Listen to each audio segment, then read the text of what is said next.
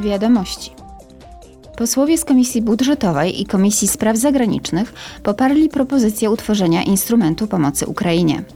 Na odbudowę i modernizację tego kraju w ciągu kolejnych czterech lat przeznaczono budżet w wysokości 50 miliardów euro.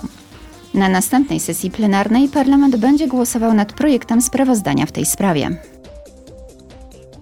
Na ostatniej sesji plenarnej europosłowie potwierdzili swoje poparcie dla przyjęcia Mołdawii do Unii. Wezwali, aby już przed końcem tego roku rozpocząć rozmowy z rządem Mołdawii. Zdaniem europosłów kraj ten wykazał się determinacją i pokazał, że jest gotowy wypełnić wymogi postawione przez Komisję Europejską. Europosłowie wezwali Unię i jej państwa członkowskie do zwiększenia wsparcia finansowego i technicznego dla Mołdawii.